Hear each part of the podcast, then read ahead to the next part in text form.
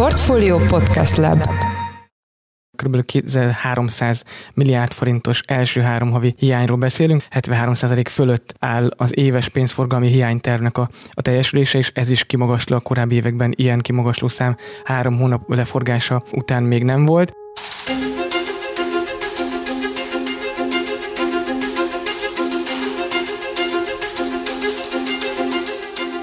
Jó napot, sziasztok! Ez a Portfolio szerdánként jelentkező heti podcastje, én Orosz Márton vagyok a műsor házigazdája. A pénzügyminisztérium előzetes tájékoztatója szerint márciusban 875 milliárd forintos mínusz alakult ki a költségvetésben. Ezek szerint a hatalmas költségvetési hiány megoldása lehet az ötödik Orbán kormány első komolyabb feladata. Ezt a témakört fogjuk körbejárni a Portfolio makrorovatának két elemzőjével, Csiki Gergelyel. Szia Gergő! Sziasztok, üdvözlöm a hallgatókat! És Beke Károlyjal, aki itt van velünk a vonalban. Szia Karcsi! Sziasztok! Hát akkor rögtön az is az első kérdésem, hogy mi okozta ezt a költségvetési hiányt Magyarországon. Én mondok mondjuk három tényezőt, ami nekem első körben eszembe jut.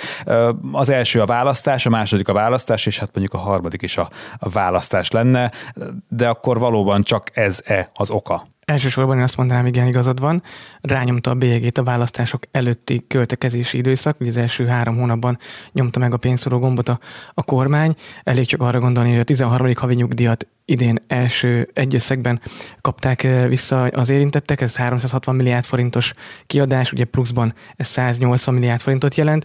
Eh, elég, hogy csak arra gondolunk, hogy az SZIA visszatérítés is február-március hónapban érkezett a, a, az érintettek számlájára, mint egy most már lassan 700 milliárd forintról beszélünk ezen a soron, és hasonló háztartások jövedelmi pozícióját javító, úgymond választások elé időzített eh, költségvetési intézkedések voltak. Ugye azt nem szabad talán elfelejteni, és ebből a szempontból nem nem mondható rendkívülinek ez a költségvetési hiány, hogy ezekre az intézkedésekre már lehetett számítani tavaly.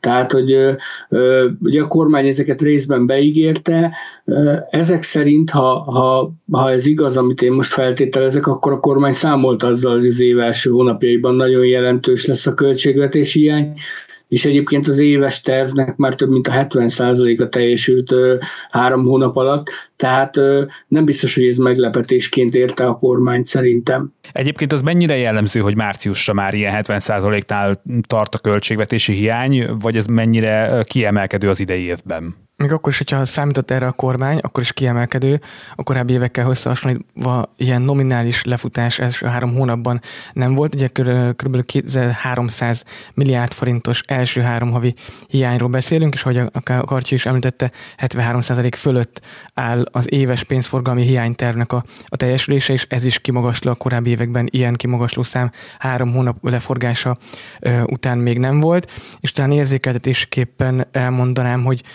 amennyiben a korábbi évek hosszú távú átlagának megfelelő utolsó kilenc havi költségvetés teljesítményt tud felmutatni a kormány, akkor sem lesz elég elegendő az éves hiány, hiányterv tartásához.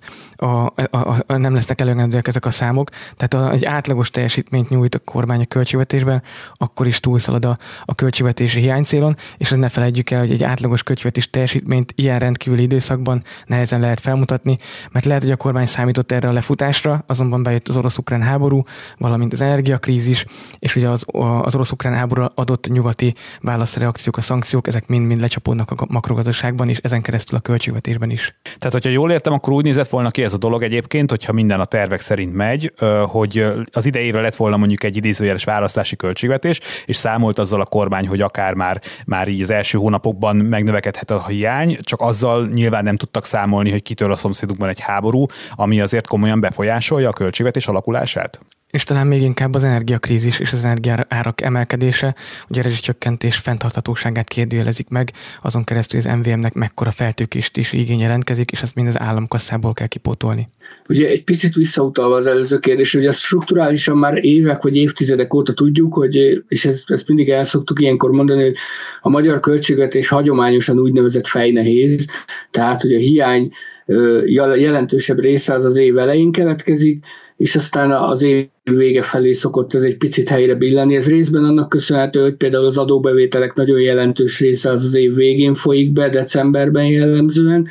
Tehát az, hogy az év elején az, az időarányosnál nagyobb a hiány, az nem rendkívüli, nem ilyen mértékben, mint az idei évben, és ugye én azt gondolom egyébként, hogy, hogy ö, ö, voltak olyan intézkedések, amik váratlanul érhették a kormányt, ilyen például az üzemanyag árstop miatti kompenzáció, tehát az, hogy a a, a benzinkutakat kompenzálni kellett a hatósági ár miatt, és az ő veszteségüknek egy részét átvállalja az állam. Például, amit a Gergő említett, az MVM feltőkésítése, az ugye egyelőre még kérdéses, hogy ez majd az idei költségvetést fogja érinteni, vagy inkább a jövő évit. Hivatalosan ugye 2023-ra el lehet halasztani a, a, az állami tulajdonú cég feltőkésítését. Kérdés, hogy, hogy cashflow alapon ezt hogy tudják megoldani, tehát mondjuk az MVM tud-e gázt vásárolni az év végén, hogyha ha, ha jelentős vesztesége lesz, és nem lesz már tőkéje. Tehát ez, ez még azért kérdés, és ez inkább egy hosszú távú feladat a költségvetés előtt, én azt gondolom, de, de szerintem most az idei évben, ami, ami ilyen gyakorlatilag azonnali beavatkozást igényel, az a költségvetésnek egyfajta újra tervezése, amire egyébként a pénzügyminiszter már utalt is a választás előtt néhány nappal, hogy Amiatt, hogy a gazdaság növekedése várhatóan elmarad majd a, a korábbi prognózistól, illetve az infláció magasabban alakulhat, mint a, amire eddig számítottunk, emiatt át kell tervezni a költségvetést a kormánynak, hogy ez pontosan mekkora kiigazítást jelent, azt, azt egyelőre nehéz megmondani rövid távon. Tehát ha mondjuk kivesszük az egészből a rezsicsökkentést, csak azt nézzük, hogy a, az alacsonyabb növekedés és a magasabb infláció mekkora költségvetési kiigazítást indokol, akkor ezt egyelőre nehéz megmondani. Azt látjuk, hogy az év elején mondjuk vártunk 5%-os gazdasági növekedést, ezzel szemben most az elemzők azt mondják, hogy sokkal inkább ilyen 3% körül lesz majd a realitás, az infláció viszont lehet akár 8-9% is éves átlagban. Kérdés, hogy ezek hogyan hatnak majd együttesen a költségvetésre. Hát igen, egyébként abban nagyjából egyetértenek az elemzők, akármerre is nézünk, hogy, hogy elkerülhetetlen lesz a költségvetési kiigazítás. Szerintem ezzel kapcsolatban a két alapvető és a két legfontosabb kérdés az, hogy milyen mértékű lesz ez a, ez a kiigazítás, és hogy mikor kell neki kezdeni a kormánynak ezek végrehajtásának. Ti mit gondoltok erről? Mikor jöhet, és, és mekkora méretű? Igen, szerintem valószínűbb, hogy már idén hozzá kell nyúlni a költségvetéshez, olyan szinten, hogy egyenleg javító intézkedések között is kell hozni, nem csak egy újra tervezés és újra kalibrálás van, hanem igenis olyan egyenleg javító intézkedésekről kell dönteni, ami, ami meg, meghatározza a költségvetést, akár tartósan, tartós bevételi plusz bevételeket kell szerezni, vagy tartós kiadás csökkentésekről kell dönteni. Ugye ezt tavaly decemberben már elkezdte a kormány, és előjáróban már bejelentette, hogy tavalyi költségvetésben 350 milliárd forintot, idén pedig 750 milliárd milliárd forintot megfog a beruházásokon, és ugye kézenfekvő lenne, egyes elemzők szerint is e-, ezt, ők is ezt valószínűsítik, hogy ezt az utat, részben ezt az utat követni, amikor a költségvetés pozíciát javító intézkedésekről kell döntenie, és nem beszéltünk, ugye MVM-ről beszéltünk, energiárakról beszéltünk, de még talán érdemes visszatérni arra is, hogy a kamat kiadásokon is nagyobb összeget kell kifizetnie idén is, és várhatóan jövőre is a, a kormánynak. Ugye a kamatok e, e, általános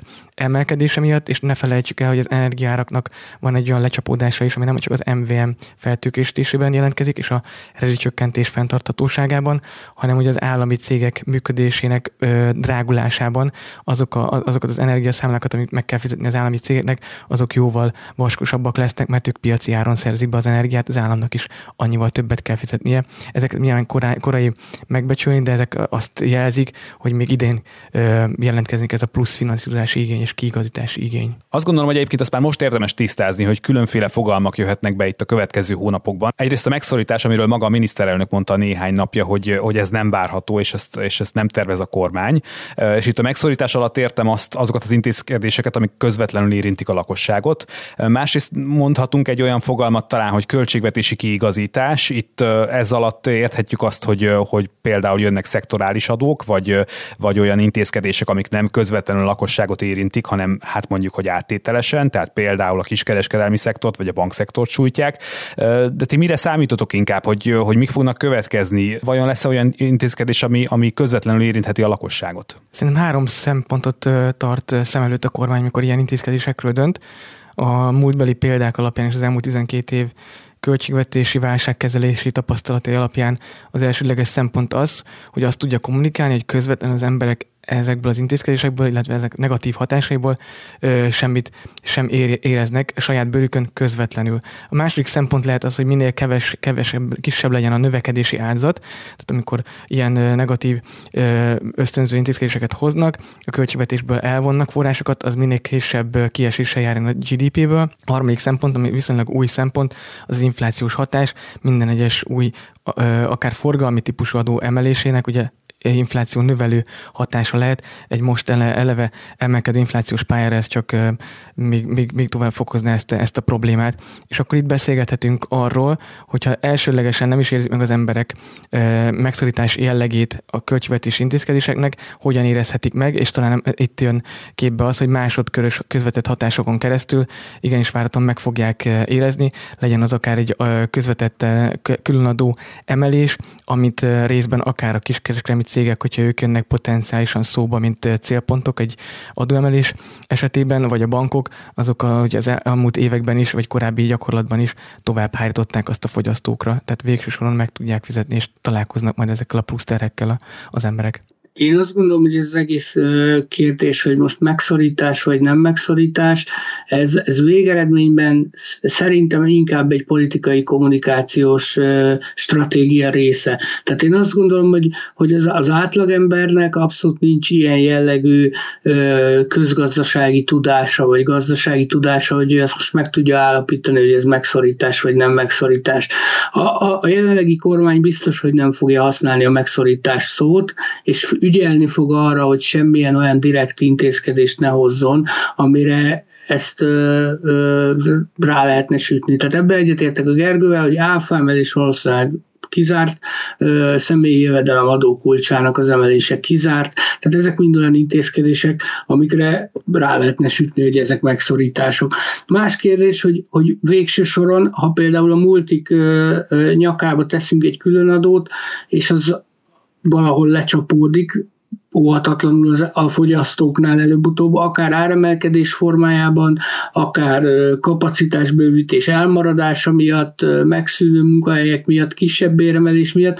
A kérdés, hogy, hogy, hogy ezt hogyan érzékelik majd az emberek. Tehát a kormány ezt biztosan úgy fogja kommunikálni, hogy ez egy költségvetési kiigazítás, amire szükség volt, de mi nem az emberekre hárítjuk ennek a terhét, hanem a multinacionális vállalatokra, csak nem biztos, hogy, hogy ezt az emberek is így fogják érezni érezni majd. Egy fontos szempont, hogy miért is beszélünk ennyit a különadókról számításaim szerint, hogy összesítésem szerint, amit egy friss cikkemhez végeztem, 900 milliárd forint folyt be 2021-ben a legkülönbözőbb szektoriális adókból, és 2022-ben, tehát idén az adóalapok emelkedésével, bővülésével párhuzamosan ennél több és ennél magasabb bevétel fog befolyni, csak érzékelésképpen a társasági adóból 600 milliárd forint alatt van a költségvetés bevétele, tehát ezért jelentőség, nagy, nagy a, a különadóknak a, a jelentősége, és ugye fontos, ugye azt mondjuk, hogy leginkább a külföldi multinacionális cégek fizetik ezeket a szektorális adókat, és lehet, hogy ez erőteljesebben volt így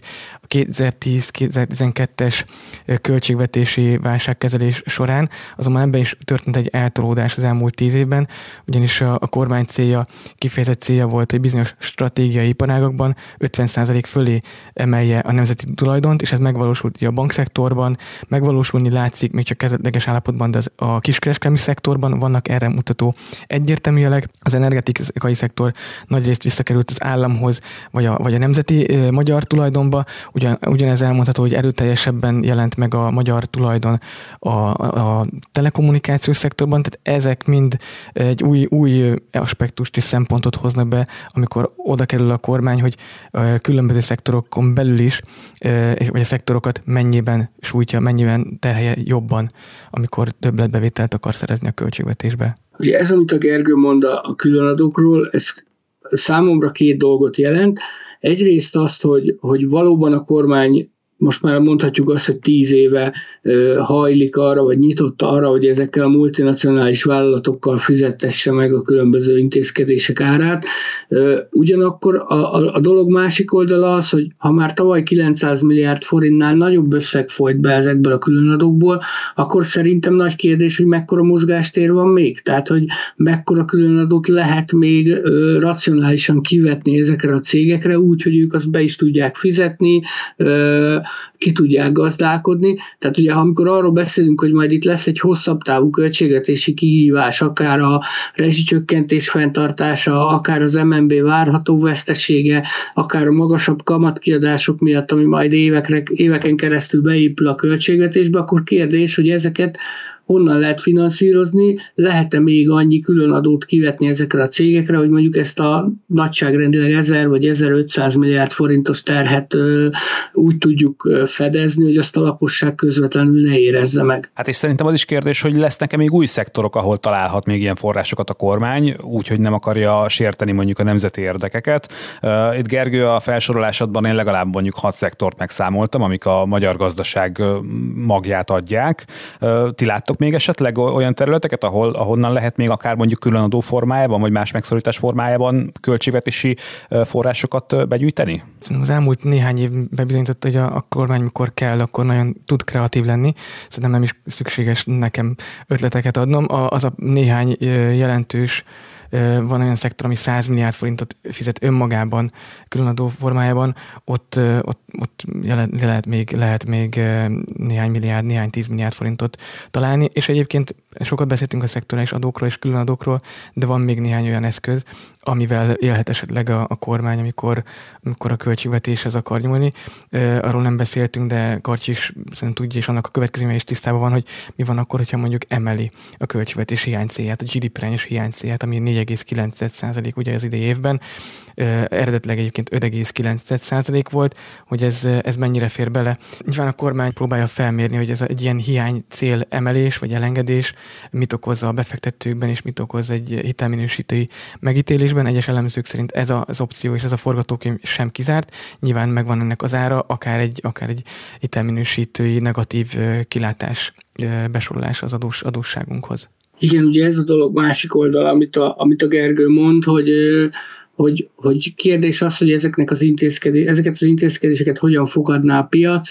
Ugye láttuk a 2010-es évek elején, amikor azért ezeket a nagyon kreatív és úgynevezett nem konvencionális költségvetési intézkedéseket életbe léptette a kormány a különadóktól kezdve a magánnyugdíjpénztárak államosításáig, akkor azt nem feltétlenül fogadták jól a befektetők, és most is látunk arra utaló jeleket, hogy például az egyik nagy hitelminősítő a múlt héten már figyelmeztetést fogalmazott meg azzal kapcsolatban, hogy amennyiben tartós lesz a magyar kormány és az Európai Bizottság vitája az uniós forrásokról, akkor az akár negatív is lehet a magyar adós besorolás szempontjából.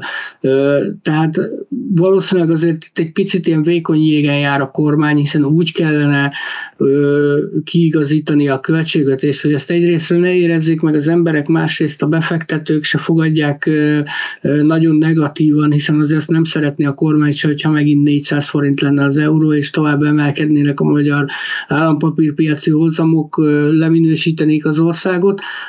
Szerintem itt azért nagyon vékony az a mesdje, ahol, ahol ők még járhatnak. Oké, de hát kérdés, hogy mit szól mindehez Brüsszel, vagy mit szólna mindehez Brüsszel, és uh, itt felmerül az a dolog is, hogy uh, milyen jelentősége lehet az elhúzódó brüsszeli vitáknak. Az elmúlt napok uh, és hetek fejleményei alapján egyre inkább azt valószínűsítik, a piacon is azt valószínűsítik az elemzők, hogy húzamosabb ideig nem számolhat uniós forrásokkal Magyarország. Lehet akár, hogy idén uh, minimális összegben uh, jut uh, Magyarországra uniós forrás, ami azt jelenti, hogy közben az állam ugye előfinanszírozza ezeket a beruházásokat, ezeket a, a pályázati pénzeket, és később, ha nem jön be az EU-tól ennek a fedezete, akkor ez mind a pénzforgalmi tekintetben hiányként hozzáadódik a, a költségvetésben a, a meglévő hiányhoz, és ezt elő kell, meg kell finanszírozni pluszban, ennek pedig olyan lecsapódásai lehetnek, hogy hogyan tudja ezt a plusz forrás bevonni a piacról, ugye. Ugye csak, hogy nagyságrendeket említsük ezzel kapcsolatban, az idei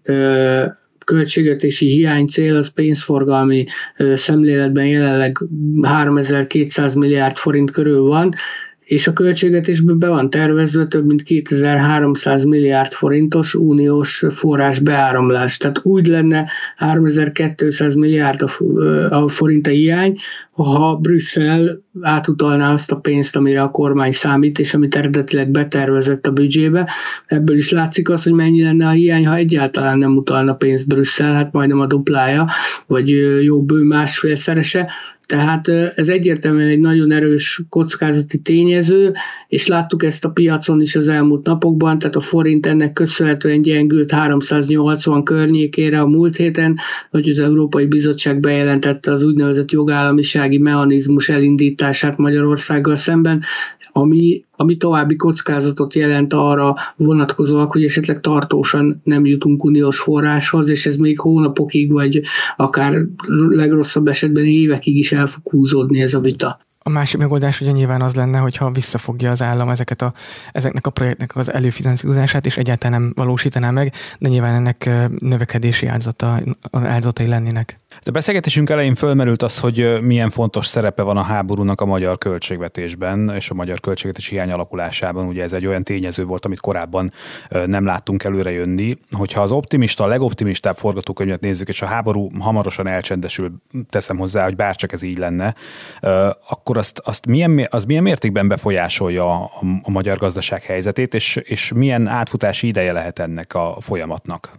De inkább úgy fogalmaznám meg, hogyha elhúzódik és tartósá válik, akár az egész évre meghatározza ez a háború, és az arra adott nyugati szankciók, ugye nyilván logikusan egyre erőteljesebb szankciók, akkor már az asztalra kerül egyértelműen az orosz energiahordozók tilalma és behozatalának a, a tilalma, akkor sokkal mélyebb sebeket ejtett a magyar gazdaságon, akkor ugye Karcsi által említett idei 3%-os növekedési, GDP növekedési várakozás még kevésbé lesz reális. Ugye nehéz, hogy idén recessziót várjunk a magyar gazdaságban, mert az első negyed év és a tavalyi áthúzódó hadás brutálisan jó bázist ad az idei növekedésnek, de akkor nyilván magasabb inflációval és inflációs környezettel is szembe kell néznünk, és akkor nyilván a, egy elhúzódó, ilyen tartósabb háborús hatás és szankciós hatás nyilván a költségvetést is sokkal-sokkal inkább megvisel, és annál nagyobb kiigazítási igényt kellene már idén végrehajtani. Illetve hát amiről beszéltünk, hogy, hogy az úgynevezett hosszú távú költségvetési kockázatok, tehát itt az MVM-re gondolok elsősorban, vagy a rezsicsökkentés jövőjére, azok, azok annál inkább megkérdőjeleződnének, minél tovább tart, és minél inkább elhúzódik ez a háború, hiszen említettük, hogy, hogy, hogy a jelenlegi energiaárak mellett akár 1000 milliárd forintos ö, extra kiadást is jelenthet az MVM számára a rezsicsökkentés fenntartása. Kérdés, hogy ezek az energiaárak, ezek fennmaradnak-e, és ez nagyban függ attól, hogy meddig tart a háború, meddig tartanak a szankciók. Ha ez elhúzódik évekig és évekig a jelenlegi szinten marad a, a, a földgáz vagy, a, vagy, az, vagy az olaj világpiaci ára, akkor itt évről évre több száz vagy akár ezer milliárd forintot be kell tenni a költségvetésbe pluszba, vagy pedig el kell engedni a rezsicsökkentést, és azt kell mondani az embereknek, hogy ez mostantól fenntarthatatlan. Erre utóbbira kisebb esélyt látok, tehát azért Orbán Viktor a múlt héten elég erőteljesen jelezte, hogy ők szeretnék fenntartani ezt az intézkedést, és tudjuk, hogy ha a miniszterelnök valamit szeretne, akkor azt jó eséllyel eléri. Hát akkor úgy tűnik igen, hogy a rezsicsökkentés az örök. Én köszönöm szépen kollégáimnak, Csiki Gergenek és Beke Károlynak, hogy itt voltak velem a heti podcastben. Ez volt a Portfolio szerdánként megjelenő heti podcastje április 13-án. Ha tetszett az adás, akkor iratkozz fel a Portfolio podcast csatornájára a nagyobb podcast platformokon, hogy mindig időben értesülj az új epizódokról. Én Orosz Márton vagyok, új adással jövő héten jelentkezünk. Sziasztok, viszont hallásra!